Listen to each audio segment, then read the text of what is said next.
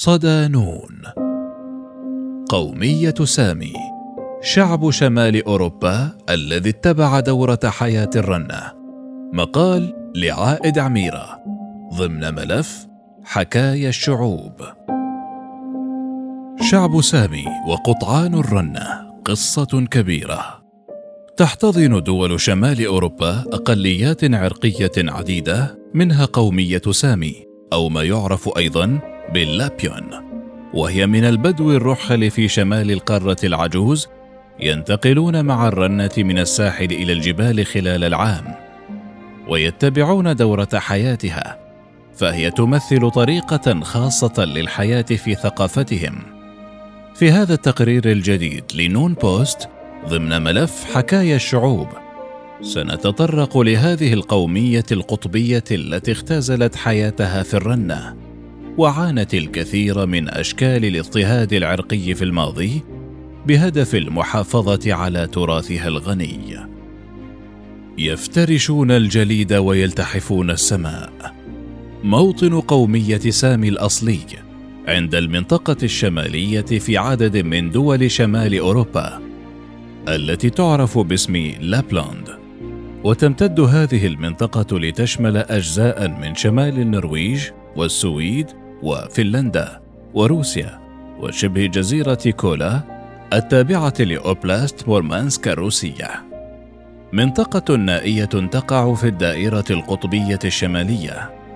أرض قاحلة فيها أشجار تنوب صغيرة تغمرها ثلوج لا تنتهي طيلة العام تقريبا. وبرد قارس يصل إلى درجة التجمد في أغلب شهور العام.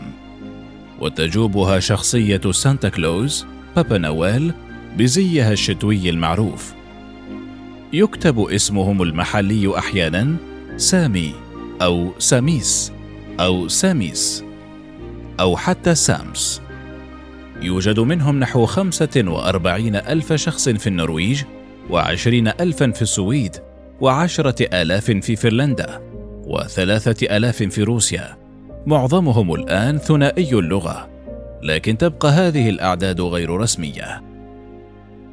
يعيش أغلب المنتمين لهذه القومية في مناخات قاسية من البرد القاتل فيفترشون الجليد ويلتحفون السماء ويعدون في الأصل من البدو فهم يعيشون في الخيام خلال فصل الصيف وفي الأكواخ المصنوعة من الجف خلال فصل الشتاء. معاناة كبيرة.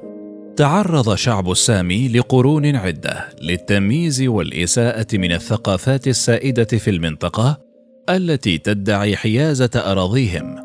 فتاريخيا عاش الإسكندنافيون وأسلافهم في المقام الأول في الجنوب. فيما عاش شعب السامي في الشمال. لذلك كان الاتصال بينهما قليلا نسبيا. ما جعل علاقتهم مع الدول الإسكندنافية معقدة. فشعوب هذه الدول التي تتحدث اللغات الإسكندنافية حاولت طمس ثقافتهم. منذ بداية القرن التاسع عشر بدأت النرويج والسويد في تأكيد السيادة بقوة أكبر على الشمال واستهدفتا قومية السامي بسياسات تهدف إلى الاستيعاب القسري لهم. على اعتبار أن السامي شعب متخلف وبدائي بحاجة إلى حضارة. خلال القرن التاسع عشر ازداد الضغط على الساميين خاصة من النرويجيين وارتفعت حملات التنصير هناك كما تعرضت لغتهم وطريقة حياتهم التقليدية لضغوط متزايدة من التطبيع الثقافي القسري. يحظر استخدام لغات سامي في المدارس والحياة العامة. إلى جانب تعرضهم للتعقيم القسري للحد من نسلهم. تشترط دول المنطقة على الساميين إثبات ملكية أراضيهم للاعتراف بحقوقهم هناك وهي فكرة تتعارض وتتناقض مع أسلوب حياة هذا الشعب التقليدي في رعي الرنة. وقد سمح هذا لحكومات المنطقة بأخذ أراضي السامي دون تعويض. كما شجعت دول المنطقة الشعب الإسكندنافي على الانتقال إلى المناطق الشمالية من خلال حوافز مثل حقوق الأرض والمياه والإعفاءات الضريبية والإعفاءات العسكرية وخصصت لهم أفضل الأراضي وأكثرها فائدة. نتيجة ذلك تعرضت النرويج لانتقادات دولية بسبب سياسة إضفاء الطابع النرويجي على الساميين والتمييز ضدهم. نفس الشيء بالنسبة للسويد حيث واجهت انتقادات مماثلة. وفي فنلندا أيضا حيث يعاني أطفال السامي من التمييز والعنصرية. راعي الرنة البدوي. شعب سامي وقطعان الرنة. قصة كبيرة. فقد كان الساميون في الأصل اناسا يعيشون على صيد الرنة في البرية ثم تحولوا إلى رعي الرنة شبه المنزلي بين القرن التاسع والقرن السابع عشر تحت الضغط الذي مارسته غزوات الأوروبيين الأولى لأراضيهم. يعتبر رعي الرنة أكثر من مجرد مهنة فهو أسلوب حياة من خلاله يقاس الوقت وتعرف الفصول وتنظم مسارات الهجرة لشعب السامي. ومن الصعب تخيل حياة سامي دون الرنة فهي تمنحهم القيم والمبادئ ورمز كفاحهم ونضالهم. قبل القرن السابع عشر كان شعب سامي قادرا على العيش على الرنة البرية من أجل الملابس واللحوم والنقل. كانت احتياجاتهم بسيطة ولم يأخذوا إلا ما يحتاجونه من الطبيعة. وقد كانوا يكملون نظامهم الغذائي بصيد الطيور والأسماك وجمع التوت خلال فصل الصيف. خضع أسلوب حياة سامي لتغييرات كبيرة خلال القرن السابع عشر. فقد كانت دول المنطقة الأربعة تسعى إلى ضمهم إليها كجزء من سكانها للمساعدة في بناء دولهم. فتم فرض ضرائب على شعب سامي من دولة واحدة على الأقل وفي بعض الحالات من عدة دول. لم يكن لدى سامي نقود ولذلك دفعوا الضرائب على شكل جلود ولحوم الرنه ثم احتاج الساميون إلى أيائل إضافية لدفع الضرائب. فكانت هذه بداية رعي الرنه بسبب الضرائب زادت حاجة سامي إلى الرنة بشكل كبير. لكن جدير بالذكر أن أفراد قومية سامي لم يصبحوا جميعهم من رعاة الرنة في المنازل، فقد اختار عدد منهم الاعتماد على الهجرة إلى جانب الرنة، ويتبع الرعاة نفس مسارات الهجرة من سنة إلى أخرى، وقد كان لكل أسرة مناطق مرعى خاصة بها، ولكن كل الأرض مشتركة. عاش رعاة الرنة من قومية سامي القطبية في خيام أو أكواخ عشبية، وهاجروا مع قطعانهم في وحدات مكونة من خمس أو ست عائلات. مكملين نظامهم الغذائي على طول الطريق بالصيد وصيد الأسماك. ويحترم الرعاة مناطق بعضهم البعض. لكن إذا كانت الظروف سيئة في سنوات معينة فمن المفهوم أن القطعان قد تضطر إلى العثور على مناطق مرعى أخرى قد تكون مناطق تقليدية أخرى للعائلات. يتطلب راعي الرنة مهارات عديدة. أولا وقبل كل شيء يجب أن يعرف راعي الرنة قطيعة الذي يأتي من المراقبة الدقيقة على مدار العام. ويجب أن يعرف أيضا سلوك القطيع وحركته وأن يفهم كيف تؤثر الرياح والجغرافيا والمناخ على سلوكه وحركته. خلال موسم الهجرة قد تعبر الحيوانات حدود الدول عدة مرات.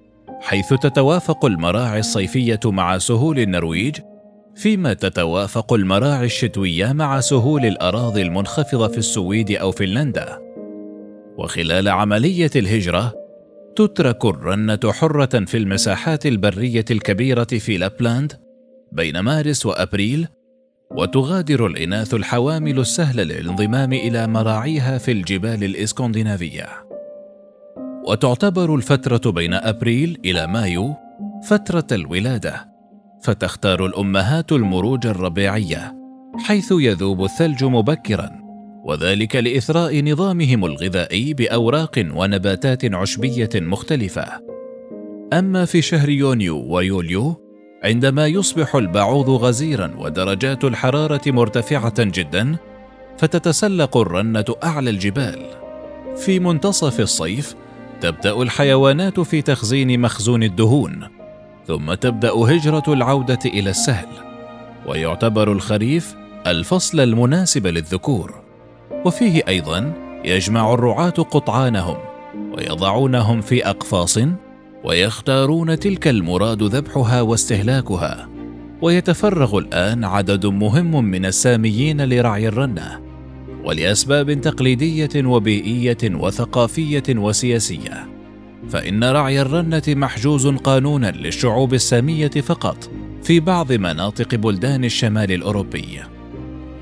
للزواج طقوس غريبة. صحيح أن قومية سامي أمة بلا حدود لكن ذلك لا يعني أنها لا تملك تاريخا وثقافة ولغة عرفت واشتهرت بها.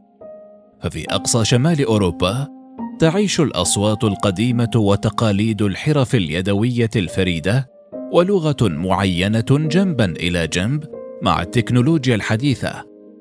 سنتحدث هنا عن بعض هذه التقاليد المتعلقة بالزواج خصوصا حيث يلعب الزواج دورا مهما في المجتمع السامي خاصة أن المتزوجين يتمتعون بامتيازات اجتماعية مهمة مثل الحق في استخدام مراع معينة أو الاستفادة من التضامن بين الرعاة.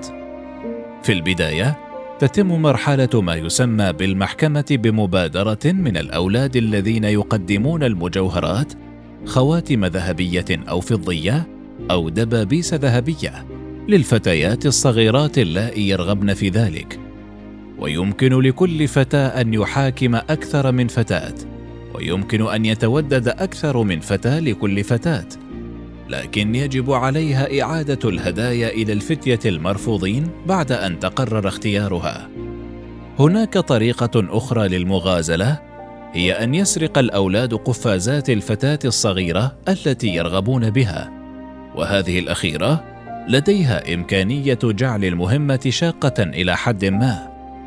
فالعائلة تسعى إلى أن يكون لديها صهر ماهر في رعي الرنه حتى إن كان فقيرا. عادة ما يتم الزواج الفعلي في فصل الشتاء عندما تتطلب قطعان الرنة أقل قدر من الرعاية ويكون التواصل أسهل حينها يذهب العريس ورفاقه وهم يرتدون أرقى ملابسهم ويرافقهم أرقى أنواع الرنة إلى منزل الفتاة الصغير المليء بالكحول. يتم إيقاف الزلاجة أقرب ما يكون من منزل الفتاة بعد أن يطوف عليها ثلاث مرات في مواجهة الشمس حتى تتفاوض العائلات بشأن الجوانب العملية للزواج. ثم يذهب الشاب للانضمام إلى الفتاة الصغيرة يسلم الزوجان على بعضهما البعض بقبلة وفرك أنوف. نأمل عزيزي القارئ أن نكون قد وفقنا في هذا التقرير الذي بين يديك في تقديم لمحة بسيطة عن شعب سامي ذي التراث الغني وأن تكون قد استمعت معنا في هذه الرحلة الممتعة التي ستتواصل مع شعوب وقوميات أخرى في مناطق مختلفة من العالم ضمن ملف حكايا الشعوب.